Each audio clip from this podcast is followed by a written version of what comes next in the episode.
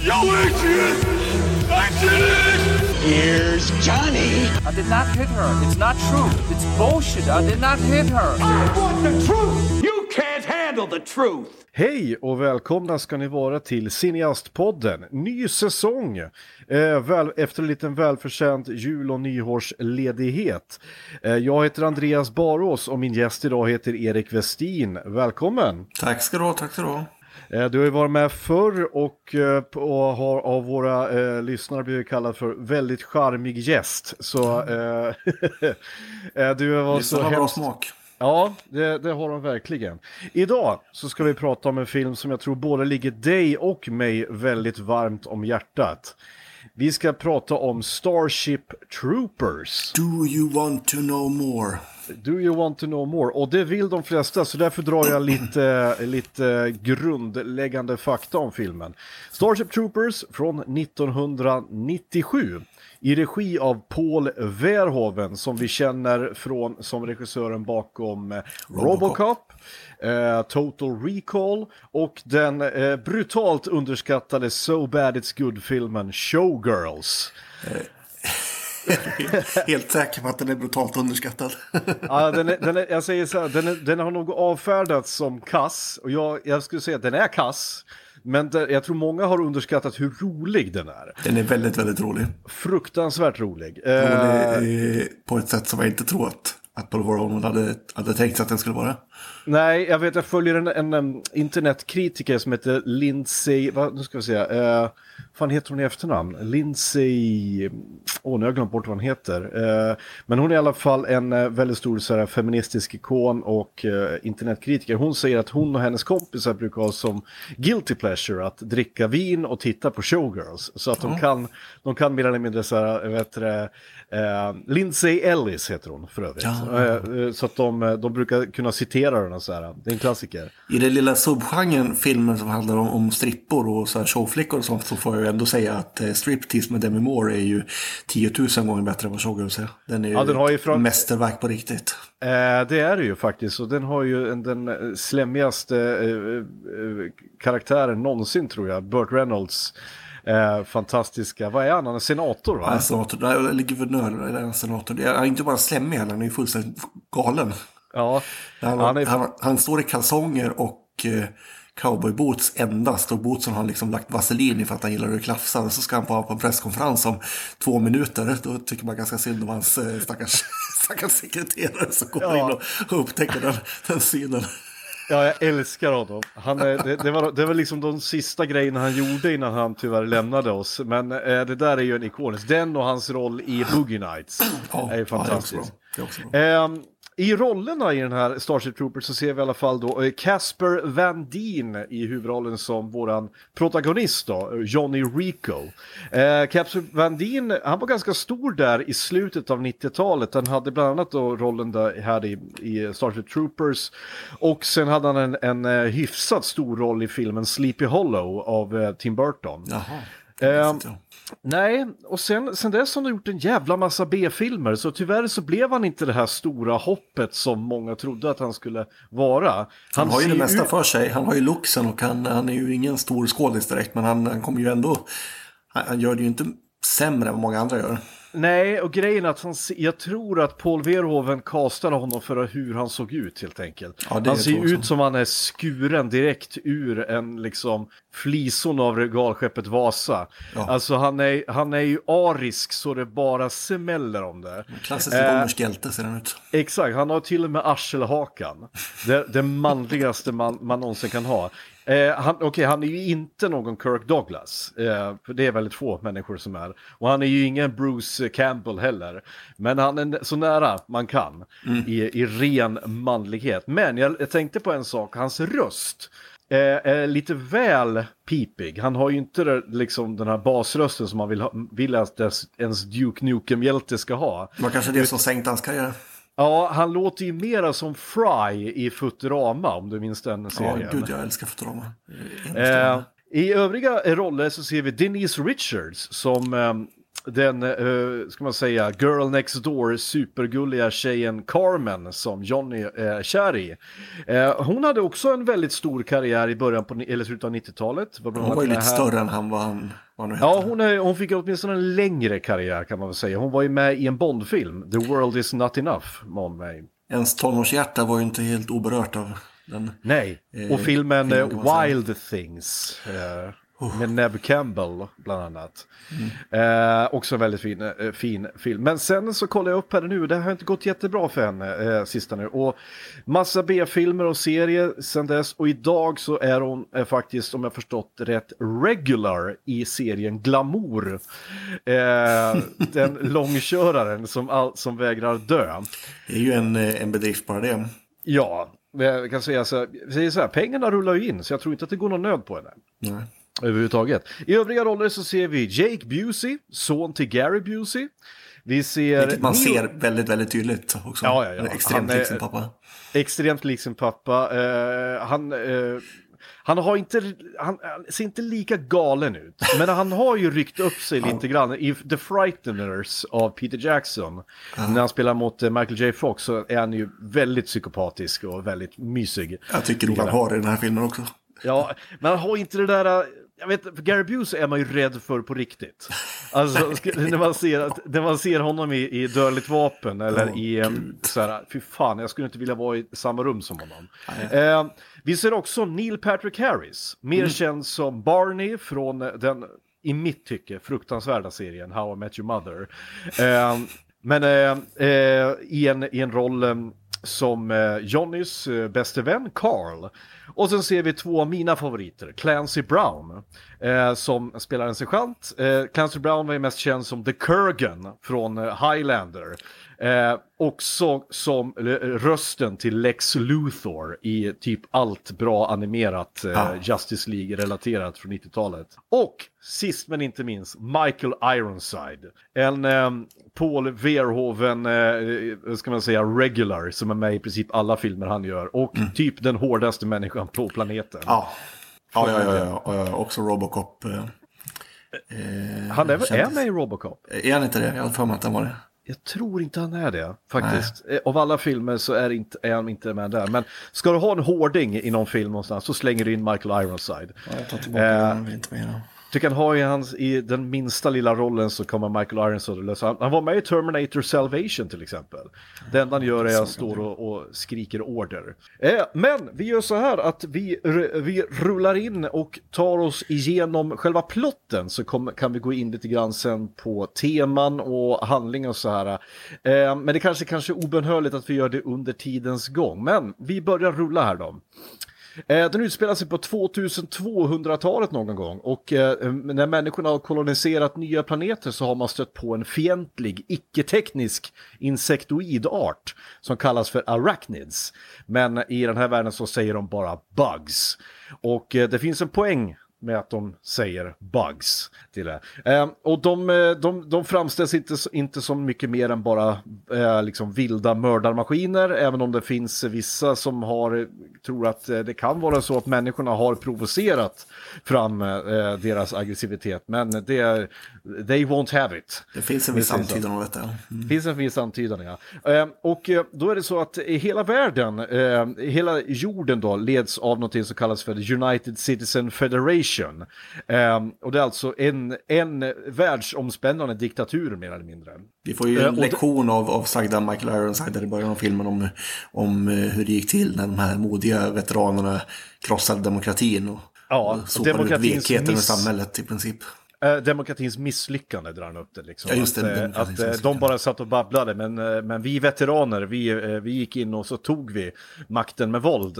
Och våld är det enda som fungerar. Och, liksom, och det är därför som demokratin fungerar. Därför att Eh, liksom, och, ja, och i den här världen, då är det så att du, du föds inte med, med, med några rättigheter, utan alla rättigheter måste du förtjäna. Du måste få, det, du måste, det är så kallat citizenship, medborgarskap. Det är alltså att eh, du, du, du föds som andra klassens medborgare, men sen så får du förtjäna att ens bli liksom första klassens då, eller medborgare överhuvudtaget. Du är under andra klassens medborgare till och med när du föds.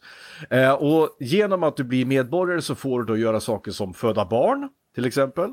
Eh, ha en bostad, eh, om jag förstått rätt. Och så här, vanliga grundläggande mänskliga rättigheter, sjukvård och sånt där mys. Jag, jag tror, Eh, ja, precis. Det är väl eh, så att jag- civilians har någon slags grundläggande existens, men de är inte riktigt... De, de räknas ju inte riktigt i samhället. Nej, inte, inte riktigt. De får inte rösta till exempel. Eh, i, det, I de fallen de faktiskt har något slags val i den här världen. Eh, men ett sätt att till exempel att få eh, eh, medborgarskap är att göra militärtjänst. Eh, och det är ju det liksom som hela samhället det här är uppbyggt kring. Liksom allting handlar om att eh, lära sig om historiska krig, nuvarande krig och förbereda sig på framtida krig. Allting är krig helt enkelt. Det är lite Sparta över hela. Förutom Lite att grann, man, lite, väldigt, väldigt spartanskt eh, eh, ideologin där. Liksom förutom att du man är- kan faktiskt göra hopp i samhället bara genom att gå med i armén. Det kunde ju inte de där, vad hette de där stackarna som var förslavade av spartanerna? Nej, eh, hojojerna tänker du på. De som var så kallade, mm, ja det som, ja spartanerna var ju, var ju krigare. Alla andra var ju de som gjorde jobbet åt spartanerna. Ja. De hade ju ett klassystem. Eh, vi får i alla fall, i den här världen då så får vi följa eh, våran huvudperson Johnny. Eh, han och hans eh, flickvän Carmen och deras kompis då Carl, de eh, tar examen. Och direkt eh, eh, från skolan så tar de värvning i federaltjänst då. Eh, trots att Rico, alltså Johnnys föräldrar, eh, gillar inte detta. Det här tycker jag är en fantastisk scen. För det, det här är en av de smarta sakerna. Jag har inte läst boken för övrigt. Så att, eh, det är en av få Heinlein-böcker som jag inte har läst. Faktiskt. Nej. Jag läst mycket av honom. Men Vi kommer att återkomma lite grann till, till Robert Heinlein sen som har skrivit den här boken. Men i alla fall i den här scenen så eh, då eh, går Johnny går hem och eh, till sina föräldrar och säger att jag ska gå med i armén. Vilket gör att hans föräldrar får ju ett utbrott på honom och hans pappa hotar att disown him och sådana där saker. Och det här är en klassisk grej som man ser i filmer när man har liksom en arbetarklass eh, föräldrar så kommer de hem och säger att jag vill, eh, gå, jag vill gå på konstfack eller liknande och föräldrarna säger nej gör du det så blir du arvlös du ska, liksom, du ska jobba i kolgruvan som hela din familj. Här har de vänt på det och att liksom att ska du gå med i armén? Nej vad är det för jävla trams? Du ska, du ska åka på semester, du ska är, gå på Harvard. det är en intressant twist av hela den, eh, hela den tropen faktiskt. Ja, så tyck, den tycker jag var väldigt, väldigt smart grej som, som eh, Paul Verhoeven gör där. Att han liksom vrider på, på den där, det är som sagt, det är en trope det där. Eh, Hans, hans föräldrar är ju välbeställda, han kan få vad han vill lite grann. Men eh, han vill ju lite grann bara gå med i armén för att impa på den här Carmen då som, eh, som bara playar honom. Ja, precis. Och det är, ju, det är ju det som är grejen, att Johnny eh, visar ju sig också att han är inte särskilt smart. Han fick väl 35% eh, rätt på matteproven. Eh, han är inte speciellt bra på någonting, men han är en fysiskt praktexemplar. Eh, en sån som, eh, tror jag, alla militaristiska or organisationer hade älskat. Det vill säga, han är bra i idrott, han, är, han ser bra ut och han är, han är bra på att lyda order och han är inte feg, han har modet i sig. Så han är Men någon god sån där- snubbe ändå, man gillar honom i alla fall. Ja, men han är ju det. Han är, han, han är ju, han är ju en good guy. En kille som man, Mm, man vill heja på. Och det, Hjärtat på rätta stället. ja, och det är i den här kontexten då som vi, som vi liksom får följa honom. Ehm, i bör- så den första delen av filmen kan man säga är som ett slags, ja ungefär som, lite som Full Metal Jacket. Ungefär samma sak där. Det är ett bootcamp där vi får möta de klassiska, liksom, egentligen personlighetslösa människorna, gruntsen, som i det här träningslägret. Och det är alla de här stereotyperna. Det är en skrikande drill sergeant som inte tar några fångar. Sergeant som bryter, ja, som, bryter, ja, men så, precis, som bryter armen det första han gör på en rekryt och kastar en kniv rakt igenom handen på en annan. Parodiskt råttare. Eh, Ja, ja, bra. precis. Och det är bara för att visa liksom, oh, vi, är, vi är badasses liksom. Medan då fjollorna, som vi ska tycka själva då, uppe i flottan, som sitter tryckt bakom ett par eh, spakar, mest eh, får lära sig att eh, trycka på lite knappar och, och sitta fint, mer eller mindre. Det är så de vill att vi ska tycka när vi ser filmen, att liksom eh, tuffingarna, det är de nere på marken och de i flottan, de är liksom... Nu, nu, är inte jag, nu är inte jag någon, eh, nu är inte jag någon militär. Så att jag, eh, då får väl militär liksom skriva mejla till dig och, och klaga på vad jag säger. Men det här, det här är väl också en väldigt, väldigt klassisk hållning mellan, mellan armén och flottan tror jag, i verkligheten. Ja, jag Armén vet tycker i alla är hårdingar och att eh, flottan bara sitter på sitt arsel ute på ett skepp och inte, inte gör någonting. Jag vet att det var väldigt sådär, eh, väldigt vad jag förstått, eh, hård jargong mellan de olika avdelarna i andra världskriget i alla fall. Bland annat så till exempel de som ansågs som de absolut tuffaste var ju fallskärmsjägare. Som, de, eh, för de hade ju högre lön än alla andra. Men det var också för att deras life expectancy var ju mycket, mycket lägre. De förväntades ju inte överleva speciellt länge. Vilket gjorde att de oftast hamnade i bråk med andra eh, divisioner eh, som de såg som hade, för att tydligen så var det bara fallskärmsjägare som fick, eh, som fick använda en viss typ av kängor. Och såg de någon annan som inte var fallskärmsjägare använda kängor, den typen av kängor, så spöade de dem. Helt enkelt. Jag förstår. Jag vet också att eh, infanteriet, eh, eh, armén, de eh, hatade flygvapnet för de tyckte att flygvapnet aldrig kom när de behövdes. Och de fick mycket, väldigt mycket skit i Dunkirk till exempel efter det. Det låg de någonting i det också, men sen får man komma ihåg att flygvapnet var ju något något alldeles nytt också. Så det var ju, det Ja, var svårt och dessutom förväntas inte de leva speciellt länge heller. Så att, eh, eh, det var väldigt sådär high tension mellan alla de där. Och jag tror att... Japan eftersom- var det ju i princip, eh, var ju de här olika armé, de här olika vapenslagen var ju i princip oberoende av varandra. Så de var konspirerade konstant mot varandra. Exakt, jag tänkte precis komma till dit. Det, det tar de väl upp väldigt bra i filmen Torra, Torra, Torra, om du har sett den. sett. Sett Eh, när de absolut eh, bästa filmerna som handlar om just Pearl Harbor. Att eh, anledningen till, och framförallt i film, den nyare filmen Midway, så handlar väldigt mycket om det att anledningen till att, eh, till, en stor anledning till att japanerna, den kejserliga, armé, eller ke- kejserliga styrkorna förlorade eh, slaget om Midway, var just för att eh, flygvapnet, flottan och armén eh, hatade varandra. Inte bara att de inte samarbetade, de hatade varandra. Ja, ja, så var det. Konspirerade Eh, och och, avskydde varandra. Verkligen. Ja, eh, och det, det, det stod ju dem dyrt till slut. I alla fall. Och nu när efter... det är 100% killar som lyssnar på showen efter här den lilla passus om andra världskriget så fortsätter vi. Nej, jag hoppas att Ina Lundström är kvar i alla fall. Om, det, om vi har någon kvinnlig lys- lyssnare så är det hon, för att det är alltid hon som brukar tjata om första världskriget och andra världskriget. Hur som helst, eh, efter genomförd, eh, nu ska jag säga, i, eh, i grundutbildningen så tränar eh, karriär, karriärsergeanten Zim, heter han då för övrigt, också ett väldigt så här, bra namn, Zim heter han. Eh, eh, rekryterna hänsynslös. Rico blir vän med kadettkollegan Ace som spelas då av Jake Busey. Och så befordras han till gruppledare.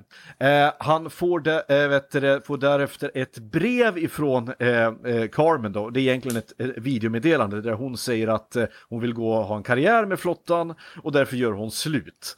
Eh, vilket är en av de första, eller en av, de, ja, en av alla hjärtekrossar-grejer hon gör mot honom i den här filmen. Hon är så jävla, jävla dryg är hon. Ja, hon är skitjobbig.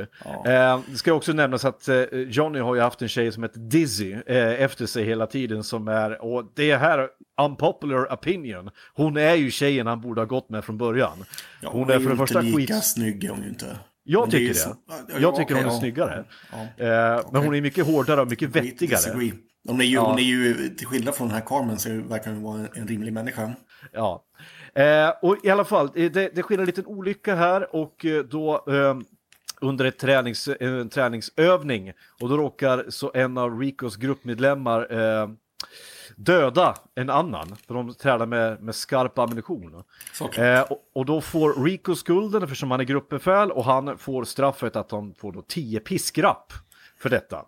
Eh, han avgår, eller han säger att nu, det skiter jag i, nu ska jag åka hem. Så han ringer sina föräldrar och precis då så slår det ner en, en, eh, en asteroid i Buenos Aires. Ja, det ska också sägas, de bor i Buenos Aires av alla ställen. Och det här tror jag eh, också är en sym- eh, symboliskt viktigt i filmen, att det är just Buenos Aires. Ja, det är Eh, inte så- i USA. Eh, det är inte USA, utan jag tror att eh, Återigen, jag har inte läst boken så jag vet inte riktigt om det var Paul Verhoeven som valde detta. Men Buenos Aires har ju väldigt mycket med nazisterna att göra.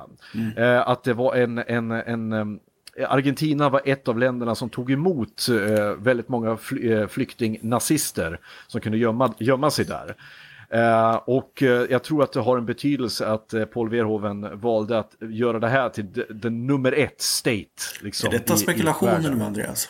Det är spekulationer. Det kan också mycket väl vara Heinlein som hittat på detta för att det, det skulle vara likt honom. Ja, men det, det skulle inte vara likt honom eftersom det, det, då försvinner ironin. jag vet inte, eh, och för sig, han, eh, Highland kanske gjorde det helt oironiskt, jag vet inte. I alla fall, hela Buenos Aires är nu, eh, är nu eh, förintat, miljoner döda, vilket får Rico att fyllas med beslutsamhet och han går med i armén igen och nu jävlar ska de döda Bugs. Yes. De invaderar då Klendathu som är krypens hemplanet. Men den här operationen går fullständigt åt helvete för de har ju då miss, missbedömt vilket hot de här då krypen är. Eh, de blir slaktade, som de skriver sen i ett av alla de här då nyhetsinslagen på eh, all channels all the time som visas på all, eh, överallt hela tiden. Eh, så är det 100 000 döda per minut. Eh, det är alltså, förstår vilka siffror. Och de eh, värsta dagarna i första världskriget som väl var den värsta, värsta slakten vi människor hittat på hittills, då var det väl en... Jag tror att det värsta jag har hört var en av, en av de värsta, eh, absolut värsta slagen är att det dog typ 60 000 pers på en dag. Någonting sånt. tänker på Verdun och de här ställena. Ja, undrar om det var Verdun som var värst. Kan Ja, det, det, det är mycket möjligt med tanke på hur jävla som. smuts, Verdun var nog värre. med tanke på hur, hur smutsigt det var, liksom hur de kastade människor på kulor som det vore liksom, vad heter det, fickludd. Så 100 000 per minut, det är ju det är ganska Ja. saftigt. Mm. Och det här får i alla fall då um, de att tänka om lite grann. Eh, nästan hela, eh, hela då eh, Johnnys division eh, raderas ju fullständigt. Han blir själv skadad men överlever och blir omplacerad.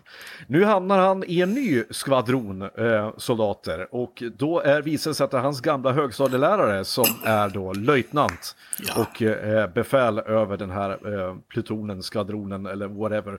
Någon möp som kan skriva som har räknat säkert alla hur många som ingår. Jag tror att det är skvadron, bataljon, pluton och grupp som är ordningen. I alla fall enligt svensk eh, standard. Ja. Eh, då eh, ska de ut på uppdrag igen och nu åker de på ett nöduppdrag ner till planeten P. Återigen, helt anonymiserat. Planeten heter P. Skitsamma vad fan planeten heter. De det spelar ingen roll. Det spelar ingen roll. Och det är bara sten och öken, finns ingenting där nere. Men det visar sig att de kommer fram till ett fort och där nödanropen har eh, skickats ifrån och där är alla döda. Och inte bara döda, deras hjärnor har blivit utsugna ur Jajamän. huvudet. Eh, och det visade sig att det här var en fälla. Arachniderna då, eller the bugs, krypen har fått en av de här eh, soldaterna att skicka, skicka det dödanropen och plötsligt så svärmar det då tusentals eh, kryp över dem på den här lilla, lilla fortet som de är i. Och eh, ja, eh, han då, överste, eller löjtnant Ratchak, Michael Ironside, blir dödligt sårad och eh, eh vet Rico tvingas då avrätta honom. Det, det är typ så man gör där. Han vill inte Eh, bli lämnad åt krypen, det kan man ju förstå. han vill inte bli uppäten så det, det, var, det är ett mercy kill helt enkelt.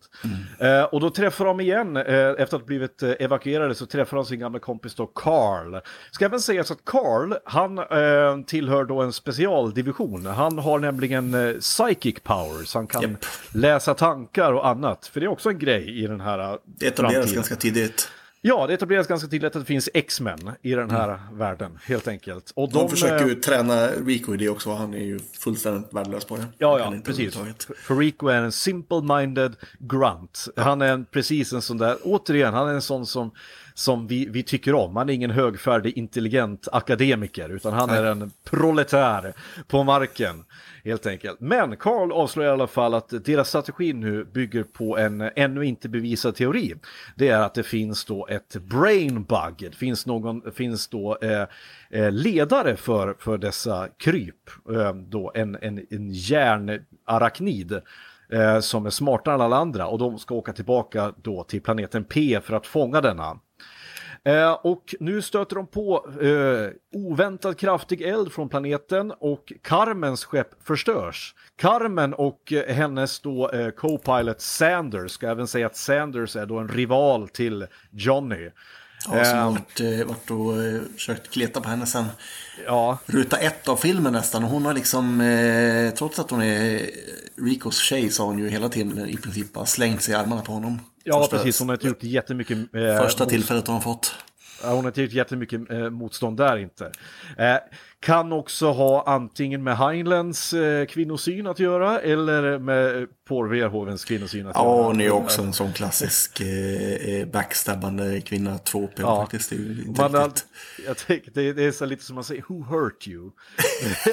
Ja, lite så. Är det fru Verhoeven? det där ska föreställa det. Ja, i alla fall. Eh, eh, Carmen och Sanders de eh, hoppar in i Escape Pod och kraschlandar på planeten. Och de eh, hamnar väldigt nära en, ett tunnelsystem till de här då, krypen. Eh, och eh, Rico är ganska nära dem och han lyckas väl som jag förstår hinna ikapp dem va? Mm, ja, Men de blir, de blir fångade av Bugs och inte uppätna direkt utan de blir insläpade i tunnlarna. Vilket- Där då eh, eh, Xanders då får hjärnan utsugen eh, av den här brainbuggen. För övrigt, eh, det, de, här måste- de lär sig liksom saker om oss genom att göra Exakt, de suger ut eh, all information ur. Och det här måste jag säga, eh, i- så att jag inte glömmer det. Den här filmen är från 1997, men jag blev förvånad över hur, hur väl specialeffekterna i den här filmen håller. Ja, men de har väl varit smarta med dem också. De har inte tagit sig vatten över huvudet utan försökt hålla på en rimlig nivå. Det är vissa, vissa ställen där man ser att okej, här är det uppenbar green screen och Mm. här ser man lite annat. Men annars när de har designat krypen. Man köper de det mesta. Ja, jag köper det mesta. Brainbugget till exempel köper jag väldigt bra. För där, har de, där, har, där märks att de har jobbat väldigt mycket med praktiska effekter. Mycket Klassisk slem. Clegg horror.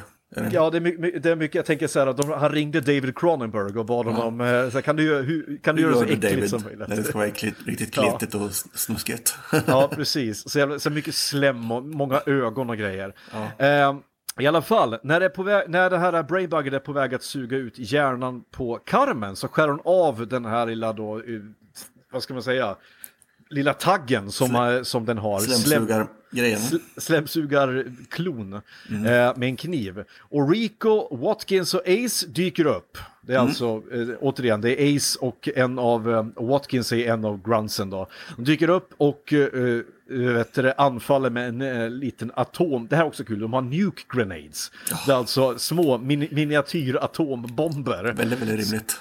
Eh, som, de visar, han, som man visar då för Brainbuggen och Brainbuggen, åh, känner igen den här. Eh, så då, då, då flyr de. Eh, medans eh, Watkins då han är dödligt sårad, han offrar sig själv genom att detonera bomben och göra det möjligt för de andra att fly. Efter att ha återvänt till ytan så finner de att den tidigare sergeant, eh, sergeant Zim har eh, gått med på att nedgradera sig själv till menig, till private. Eh, så att han skulle kunna serve at the front som man Han säger. vill vara med och kriga igen. Ja, han, han har då fångat Brainbuggen. Eh, och eh, så Carl berätt, berättar för Rico och Carmen att människorna snart kommer att segra nu när milita militära underrättelsetjänsten kan studera Brainbuggen. Carl skannar den här Brainbuggen och avslöjar att den är rädd och trupperna liksom yeah! De, och, sen, och sen slutar filmen med ett propagandaklipp som visar Carmen, Ace och Rico som eh, liksom model eh, soldiers och säger att eh, eh, liksom will you do your part? Och eh, uppmanar tittarna då att ta värvning i de väpnade styrkorna. Eh, ja, det var i princip Starship Troopers och ehm, vi kan väl börja med som sagt att säga eh, att som sagt, denna skrevs då av en, eh, detta bygger då på en bok som heter just Starship Troopers. Av, Jag önskar man hade läst den. Det hade, varit, eh, hade ju eh, varit lite roligt faktiskt. Robert Ja, A. Heinlein. jag hade, Känd jag hade, science fiction-författare från, eh, började väl skriva någonstans på 50-talet gissar jag. Är ungefär samtida med Asimov och de här stora första vågen. Jag vet, jag vet inte riktigt hur länge sedan Ja, det är han. Och jag har skrivit lä- många böcker har han gjort. Jag har läst på lite grann om honom och jag har läst på lite grann om framförallt vad folk tyckte om honom. Och mm, jag har ju alltid trott att det här var, han var en pronazist. Liksom. Eh, det vi, vi, visar sig att han, det är riktigt inte så enkelt utan han, det lutar mer åt att han är libertarian. Eh, däremot så var tro. Däremot så, så måste man komma ihåg när han skrev den här boken. Han skrev den här boken 1959 mitt under brinnande kalla kriget. Eh, och många som analyserar den här boken eh, eh, misstänker ju att den handlar ju då om att Bugsen, krypen, ska ju då representera kommunister.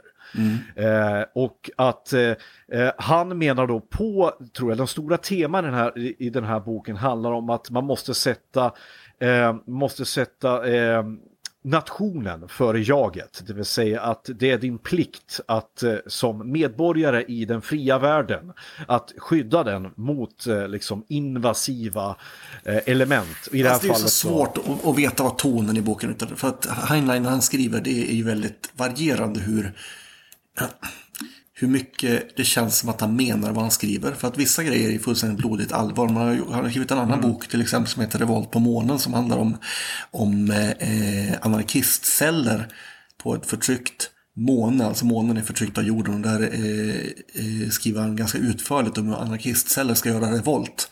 Och det är också jätteseriöst skrivet och där, där, där är ju hållningen, eller tonen en helt annan. Ja. Eller den politiska hållningen är en helt annan. Jag antar att libertarianism och anarkism är väl i och för sig väldigt nära varandra. Så är det hans verkliga hållning så är det ju ganska så.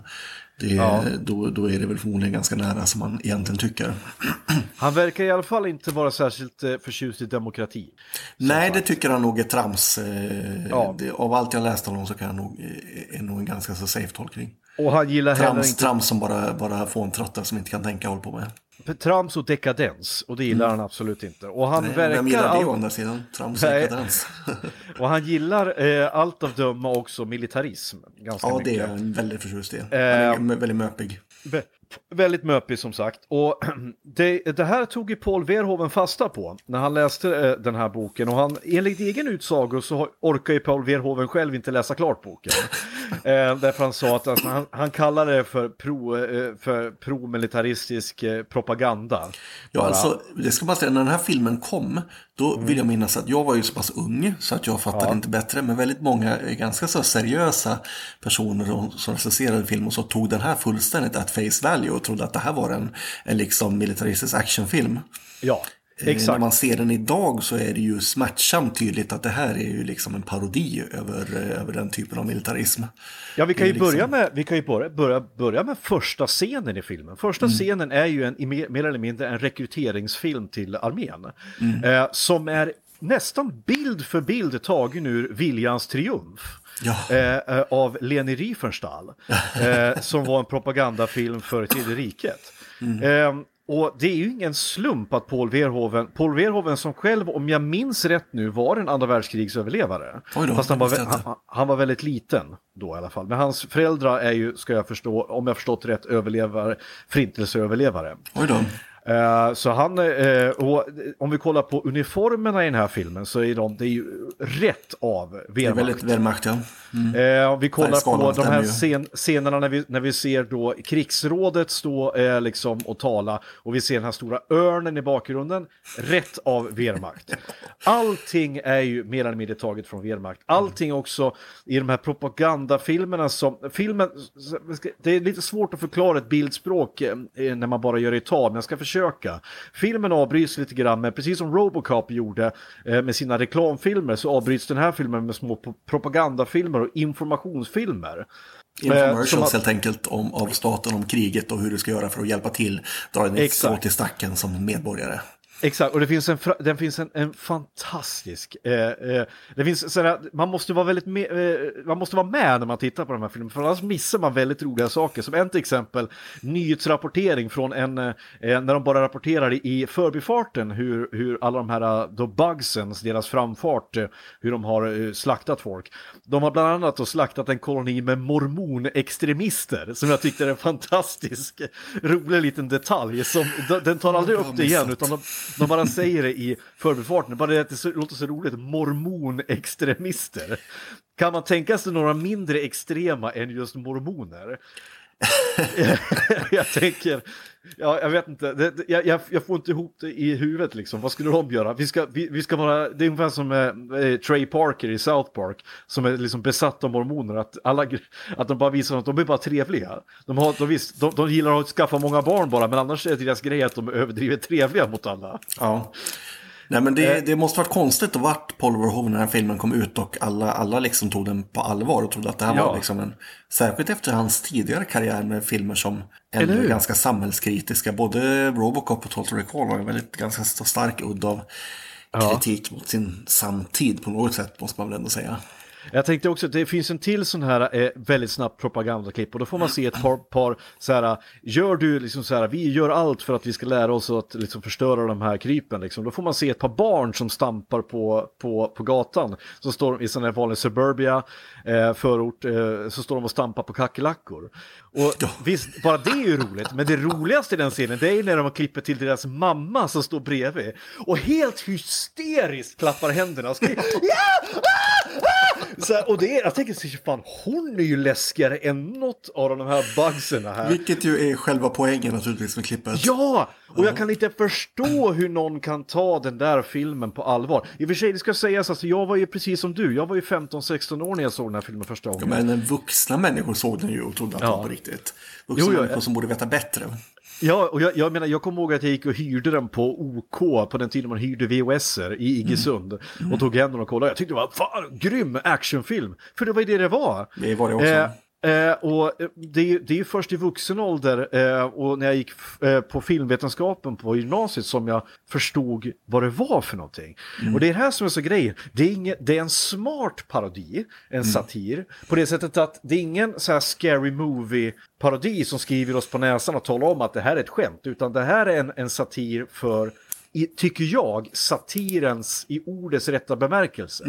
De, de visar något, en sak som är så övertydligt att, att det går, alltså du måste vara dum i huvudet för att ta det på allvar. Det är Ja. det jag tycker är så intressant då, um, en liten passus att um, för några veckor sedan så såg jag en tweet från eh, en av Sverigedemokraternas högsta höns. Jag tror att det var han Linus Bylund, jag tror han är partisekreterare. Ja, det är som, som skrev då att eh, eh, Starship Troopers är väl bra, men boken är bättre. Och Det, det- känns det som en kategori människor som inte har hajat filmen. Ja, och det känns ju liksom, och det är ju extra roligt att det är just en sverigedemokrat som säger att boken var bättre. Men det är liksom så här, vänta ett tag, då var ju han en sån som de alltså fortfarande tar filmen med face value, Ja. Eh, Ja, ja, jag såg den igen. Det gick ju säkert typ 15 år mellan jag såg filmen första och andra gången. Och när jag såg den andra gången då, då var det ju extremt uppenbart. Ja. Då var jag liksom verkligen, då, var jag, då blev jag lite, lite paff, får jag erkänna. Det här var ju några år sedan nu, men Ja. eh, att, eh, att, det, att det var en sån här film, för så mindes jag, mindes jag den ju inte. Precis, för en sak som jag eh, tänkte på nu som jag också så här, som jag inte eh, hade tänkt på innan, utan jag, visst, jag, hade, jag hade sett det här med, eh, med fascismen och jag hade sett det här med, då, med det militaristiska samhället. Jag också, ska jag också säga det att eh, folk blir dömda till döden till höger och vänster där, så jag tillhör ju de olyckliga få som har sett uppföljarna av den här Ja, jag har sett, jag har sett tvåan också. Det, eh, det rekommenderar inte, eh, inte ens Linus Bylund att göra faktiskt. Nej, eh, och jag har sett trean också. Och sen har Oj, det oj, gjorts en, eh, en fyra och en bla bla bla, whatever. Och de blir, det, säg, det, det, diminishing returns, som det är bara förnamnet. Jag förstår inte hur Eh, jag orkade med mer efter tvåan. Nej, men det var för att jag på något sätt, så här, jag gillar ju eh, Warhammer-världen väldigt mycket.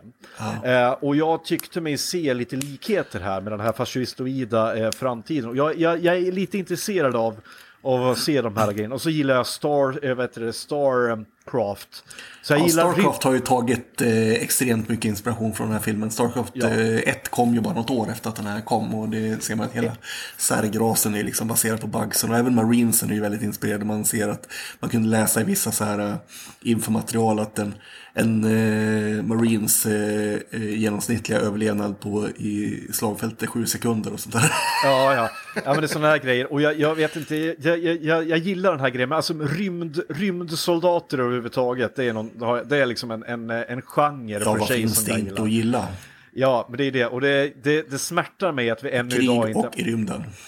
Det smärtar mig ännu, ännu idag att vi inte har fått sett en riktigt jävla påkostad Warhammer 40K-film. Eh, eh, som en liten passus, eh, jag spelade ett pen and paper-rollspel som heter Mutant Chronicles en gång i tiden. Eh, och Klassiskt det gjorde- svenskt blir det faktiskt. Yes, eh, och väldigt, en väldigt in, eh, eh, kul värld, eh, eller kul är den inte, väldigt, väldigt intressant, eh, fascinerande framtidsvärld.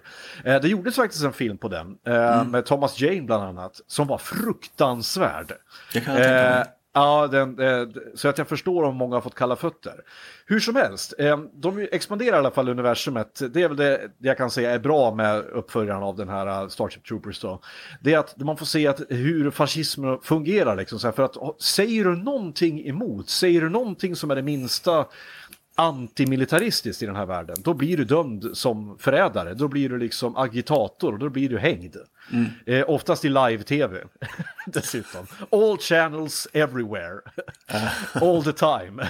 så, eh, så att, eh, men en sak som jag, som jag reagerar på, det är hur de porträtterar just eh, krypen. Mm. Det finns en anledning till att de kallar dem för just bugs. Mm. Och det är ju en typisk taktik som, som eh, man använder sig av i krig. Det handlar om att avhumanisera sin fiende. Mm. Det är det. För ingen, för att återigen, det, det, är någon som i förbifarten ställer en fråga. Ja men vänta ett tag, nu anföll de helt oprovocerat. Åh, vad fan är det för jävla traitor, bla bla bla bla. bla. Mm. Det, det, det, är liksom, du får inte ens, du får inte ens ifrågasätta. Nej, det de antyds ju som sagt att det inte kanske riktigt var så. Men eh, det, får man ju inte, det får man inte prata om. Nej, precis. De är kryp och de ser inte ut som vi, de tänker inte som vi, alltså ska de utplånas. De säger till och med uh, “Everything that has more than two legs, kill them”. Det är ju väldigt, uh, väldigt träffande alltså. Ja, säga. och det är ju det. Och det är liksom att där i, i en värld, i, ett samhälle, det här är, jag tror att det var, Eh, jag vet inte om du har sett den här eh, eh, anime-serien Attack on Titan? Eller om du har hört talas om den? Jag har hört, talas om den? Ja, hört om. Eh, den bygger ungefär på samma, samma princip. Det vill, att alla de här fascistoida eh, samhällena, för att de ska kunna hålla, för att de ska kunna fungera, så måste man ha ett yttre hot. Ja, man måste ha en fiende som man kan samlas mot, för man måste hela tiden upprätthålla behovet av en ständig och kraftfull armé. Man måste hela tiden eh, liksom eh, pumpa i medborgarna att när som helst kan du dö. Om, mm. och, och varenda människa förväntas göra sin plikt i den här i, i krigsmaskinen. Om det inte finns ett krig att utkämpa, då kommer människor att börja, eh, börja vända sig mot sig själva eller, hemska tanke, sina ledare. Ja, det är det prata om man... demokrati och annat sånt där vekt. Precis, och det är det som är grejen här. Så att ha, i, i det här samhället så finns det inte en fiende, då måste de skaffa sig en fiende. I det, sto, och, i det stora hela, klock, klockren eh, parodi det här av fascism och militarism. Ja. Och det, det, finns, man upptäcker nya saker varje gång man ser filmen faktiskt. Den är, den är smartare än, än den först känns, är den, mer genomtänkt. Det är den absolut, som sagt. Och jag skulle vilja säga det som... Eh, som slutord, för, eh, och eh, innan vi eh, eh, går vidare från den här filmen så vill jag bara säga det att som sagt, det här är en film som kanske har gått många förbi och har den inte gått många förbi så är det en film ni såg förmodligen när ni var unga och ni avfärdar den som just en, en, eh, en, en vanlig militär actionfilm. Men titta på den igen. Och så ha, ha med er i huvudet eh, tänker, liksom, vad säger de egentligen, de här människorna?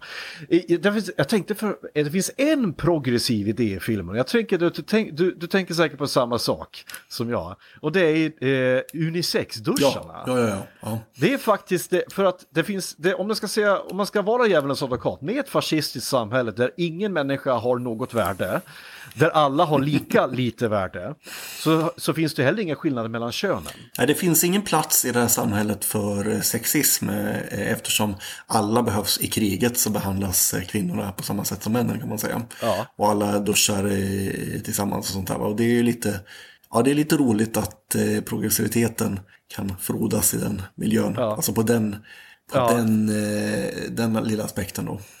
Sen är det ju inte helt oväntat heller att Paul Verhoeven slänger in ett par stjärtar och tuttar liksom. För att eh, som sagt, det är lite av hans stick. Detta var också 90-talet. Det får man ju komma ihåg. Men särskilt om ni gillar Verhovens andra filmer så är den här väldigt, väldigt sevärd. Den är ju faktiskt, tycker jag, eh, precis eh, uppe i samma nivå där som Robocop och Total Recall som också är två av mina favoritfilmer. Så. Ja, ska även sägas också att eh, eh som sagt, många av skådespelarna från just Total Recall dyker upp i den här filmen också. Eh, och många, alltså, som, det är en väldigt så här, skådistät film. Bland annat är ju eh, han som spelade Hank från Breaking Bad är med i den också. Spelar en eh, general, som man, eller en överste, som man ser i några scener. Eh, som sagt, en film som jag, om ni ska se, om ni ska börja er Paul Verhoeven-resa, då föreslår jag att ni börjar med Robocop. För att få en känsla för ultravåldet och eh, hans eh, satirtänk. För den är mycket mer uppenbart satirisk. Ja. Och sen går ni på eh, Total Recall och sist går ni på Starship Troopers. För då är ni liksom uppvärmda. För att eh, eh, en sak ska man också ha klart för sig, Paul Verhoeven han ryggar inte för våld, grafiskt Nej, våld. Verkligen inte. Eh, det är eh, till och med när man är lite jaded som man är nu, eh, lite avtrubbad, så jag riktigt, det var några grejer som var, oh, det där Han är ganska bra." smart på det vi slåss för att det är inte hela Ja. tiden utan det kommer då och då och då, blir det, då är det saftigt de gångerna det kommer. Så det är meningen att man ska rygga, rygga lite grann av det. Han är inte Cronenberg brutal som är History of Violence och så här när man liksom, när, när man på riktigt sitter och, och fy fan, verkligen sådär äh, mår dåligt för att det, det ser ut att göra så jävla ont. Utan, men det är brutalt, liksom kroppar slits i tur, det flyger blod och guts överallt. Så, 100% en rekommendation. Men nu, damer och herrar, har det blivit dags för veckans lista. Lista. Topp 5. Topp 5. Veckans topp 5. Och veckans lista, det är din lista Erik. Och då Ja. är jag jättespänd på att få höra vad din topplista är. Ja, nu blir jag ju så otroligt, otroligt, otroligt förtjust varje gång jag ser en av mina favoritskådisar, Clancy Brown, i en film. Så därför hade det varit det här en topplista över filmer som jag tycker Clancy Brown medverkar och gör ett eh, bra jobb i. Topp fem Clancy Brown-filmer alltså. jag får erkänna, jag har letat och letat. Nu, han, han har varit med i massa filmer, men ännu mer serier. Han har ju också voiceovers till jätte- jättemycket Ja. serier. Men mest, mest av det här har jag inte sett. Och eh, jag vill ändå... Jag vill ändå försöka vara stringent och göra det här till en, en topplista med fem filmer. Så därför blir det Okej. inte en topplista med fem filmer, utan det blir en topplista med fyra filmer. För Ja, okej. av, eh, av alla de som tävlade om femteplatsen så hade jag inte sett några. Och så var det några som jag inte tyckte riktigt höll måttet. Och nu ska jag säga så här att listan är, är ganska oavhängigt hur, hur bra filmen är, utan det är hur bra jag tycker att Clancy Brown är. Ja, okej. okej. Eh, och med detta i minnet då. Eh, på fjärde plats. Eh, den gamla eh, klassikern The Shawshank Redemption. Just ja. Där Där spelar han... spelar Eh, on, en, ja, Fångvaktare, on, va? ond plit kan man väl säga att han ändå är. Han har väl sina sidor, men han, han är ganska så brutal. Ja. ja, just det, för det är väl han som har skatteproblem va? Som det visar Ja. sig att eh, Tim Ja, Robbins karaktär kan Han får- lösa. Han får ju hjälpa honom och då blir han, då blir han, eh, blir han snäll mot honom istället. Ja, just Så att det. han, eh, det är ju temat för filmen kan man säga, att man löser saker genom att vara Mm. snäll och gullig med varandra istället. Så det, men det gör ändå en ganska klassisk eh, eh, Clancy-roll kan man säga. Ja. Eh, rå och eh, brutal i början men ändå med lite nyanser så. Ja. Eh, plats tre, Yes. eh, Djurkyrkogården 2. Oj, den minns inte jag. Vad är den som Edward Furlong är med i? Jajamän, det är den som Edward det det, Furlong är med i. En ganska så, och den här har jag inte sett på ganska många år ska jag säga, men den gjorde ett djupt intryck eh, på mig när den här filmen kom. Jag tror att jag såg den innan jag såg ettan och det är ju, ja. Det är nog samma här. Är det den de dödar en kill, en, en, någon blir dödad med en borr i huvudet? Ja, och det är just eh, Clancy Browns eh, karaktär. Eh, som han spelar, han spelar pappa i en familj där och jag tror sheriff också. Och är, Okej. han får liksom spela ut hela sitt register där. Han är totalt eh, unhinged. Och hotar, Okej. hotar eh, tror att Edward Furlong, hotar med en borr där först och håller mot huvudet på honom och säger No brain, no pain, think about it. Är, Clancy Brown, jag minns inte, är Clancy Brown eh, Edward Furlongs pappa? Nej, det är han inte, han är någon annan snubbes pappa, men han är där. Och, Okej. eh, Han, det är, han inte spelar en återberätta os, plotten lite, för det var säkert 20 år sedan jag såg den här. Men han är en eh, osympatisk karaktär i alla fall. Mycket osympatisk, mycket rå och brutal. Mm. Ja, all eh, right. resten av filmen vågar jag inte voucha för hur bra den är, men han är sevärd i alla fall. Okej. Ja, okej. Eh, nummer två. Eh, förutsägbart kanske eh, den filmen vi alldeles nyss har pratat om, Starship Troopers, där han gör ett Ja. eh, kanonjobb som Sergeant Sim och är Ja, det är ju, hade inte ettan varit så fullständigt självklar så hade ju det här varit en, en klar etta för att han är klockren i den här filmen. Han eh, är eh, rå, brutal, fruktansvärd i början men sen i slutet så blir han hyllad och eh, älskar av bassarna för att han är så, eh, han är ju ändå deras sergeant liksom. Ja, han är ju, jag skulle inte säga att han är den bästa drill sergeant genom tiderna, för det är ju Arlie Ermy, eh, det, det, det går inte att ta ifrån honom från Full Metal Jacket. Men Nej, det är ju svårt att klå han- honom, men, men han, han är också, han passar bättre in i den här filmen. Gör han. Han är där uppe, Mm. i, bland topp fem alltså, i en, i en rå, eh, typisk eh, drill sergeant som man ska vara. Mm. Överhuvudtaget, alltså, eh, när jag tänker efter, Clancy Brown är alltid någon, nästan alltid någon man är rädd för. Ja, Han är en sån man inte vill, vill ska dyka upp liksom. Eh, eh, för att han har en pondus. han ser ju Som- ganska läskig ut, han är ju ganska stor också. Och, den Ja. där basrösten är ju också, går inte av för hacken den heller. Ja, precis. Ja. Ha, och nummer ett då, som jag antar att alla redan listat ut eftersom den filmen blivit omnämnd tidigare. Eh, Fullständigt ohotad etta, naturligtvis. Kurgan i Highlander. Den Ja. enda man jag någonsin älskat. Han är så jävla... Vet, där, han är som att... Jag, alltså, jag, jag har så mycket att säga om den karaktären. Jag får, jag får förstår inte... För jag bara första, tänker på det.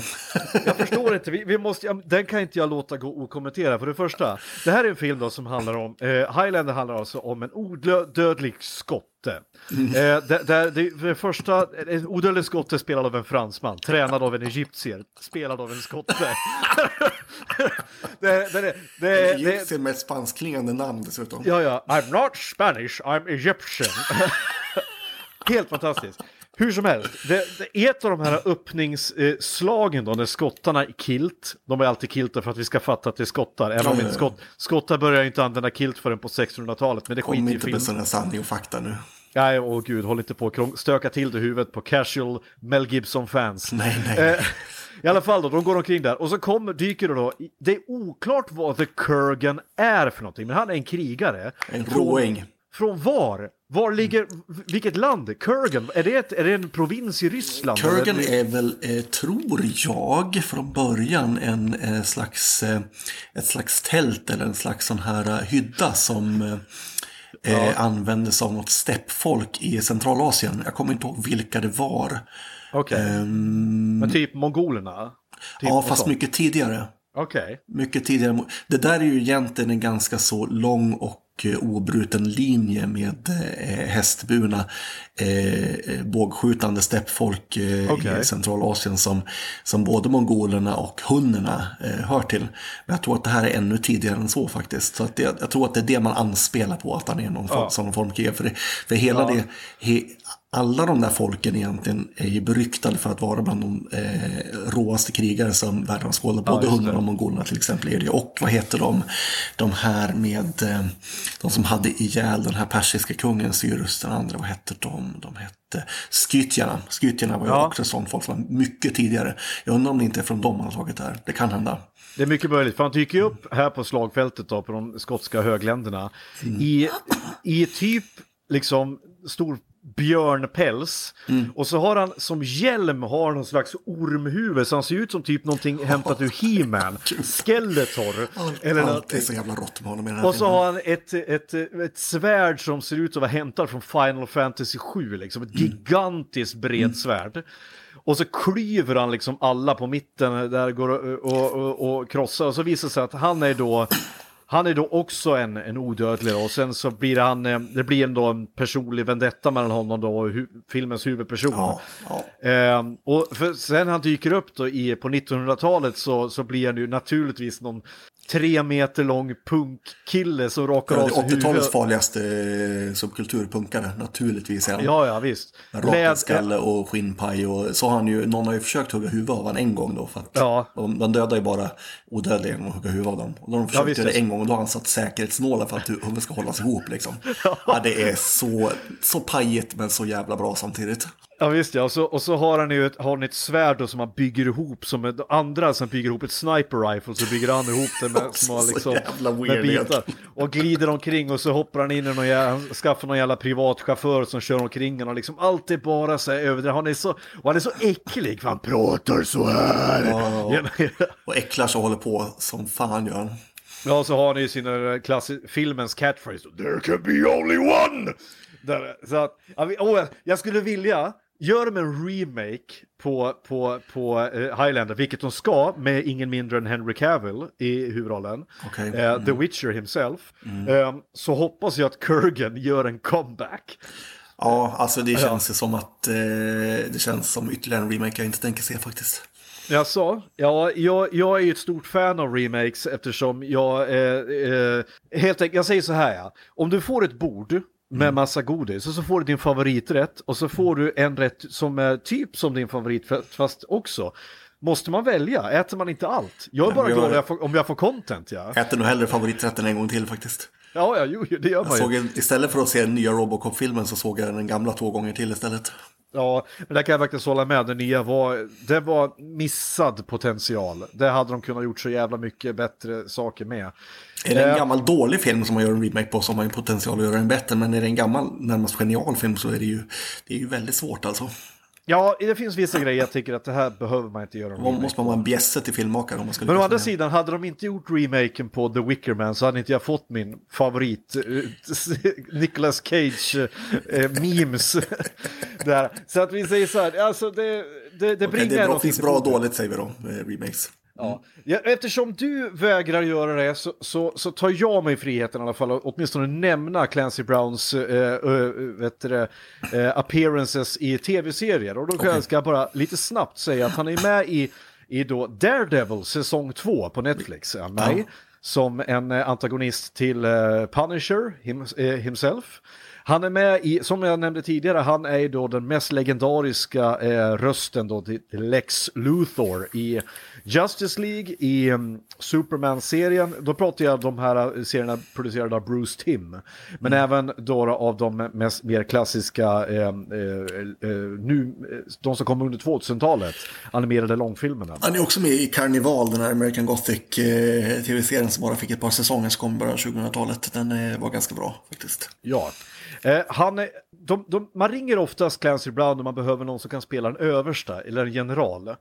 Eh, eh, så, om inte Michael Ironside svarar så, så då, då ringer man, Mike, då ringer man eh, Clancy Brown. Eh, jag, jag vet att nu har, vi hört, nu har ni lyssnare hört det här namnet Clancy Brown och ni, ni kan inte förstå, många förstår inte vad, vad fan pratar de om.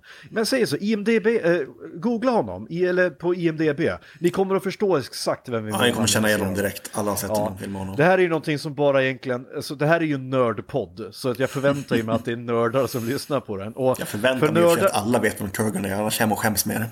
ja, jag säger så, har du inte sett Highlander som är en av, har en av tidernas bästa soundtrack för övrigt. Eh, Queen.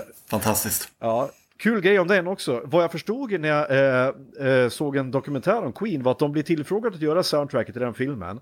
Men istället för att bara göra det med vänsterhanden som många liksom, eh, artister gör, bara för att få en paycheck när de ska skriva, så nej, vi spelar in ett helt jävla album.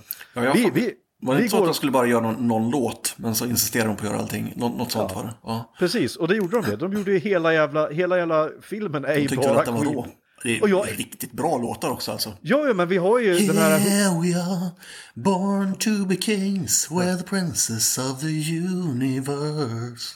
Ja, den och så Who Wants to Live Forever som är också fantastisk. Mm. Eh, nej men alltså, vad ska jag säga, det är en 10 av 10, en av mina absoluta favoritfilmer. Till och med. Christopher Lambert är bra i filmen. Och han, Christopher Lambert är ju sällan bra, tyvärr. Han är en träbock och han är ganska Han- kass på det mesta han gör. Men han, En av de där filmer han minst dålig i. Ja, jag vet inte, har du sett Fortress? Är ju också Jag har här, sett Fortress. Ja, det är också en sån här... Mm. Där är han Och- medelbra kan man säga. Ja, och i Mortal Kombat. Ja, Paul, Paul Andersons. Ja. Åh herregud, det var för länge sedan jag såg den. Ja, när han har Raiden. sitt, ja, han spelar Raiden där. Och han förstod aldrig själv tror jag om man skulle spela den seriöst eller inte. Jag tror ingen brydde sig heller. Nej, Men fan nej. vad jag älskar den filmen. Det, det är så guilty, guilty pleasure. Ja, det är det verkligen. Erik Westin, tack så hemskt mycket för att du ville ställa upp. ha. Tack ni er lyssnare för att ni har stått ut med, med, med nördprat än vanligt. Och eh, det är lite så här den här podden kommer att bli. Det, eh, när två passionerade människor pratar eh, så uppstår gnistor och de gnistorna får ni ta del av. Gilla mig på eh, Instagram och bli gärna Patreon så kan vi göra ännu roligare eh, eh, avsnitt och bjuda mina eh, gäster på ännu godare fika. Ha det så bra så länge så hörs vi nästa vecka. Hej! Hej hej. Say hello to my little friend! Yo, Adrian! Adrian! Here's Johnny. I did not hit her. It's not true. It's bullshit. I did not hit her. I want the truth! You can't handle the truth!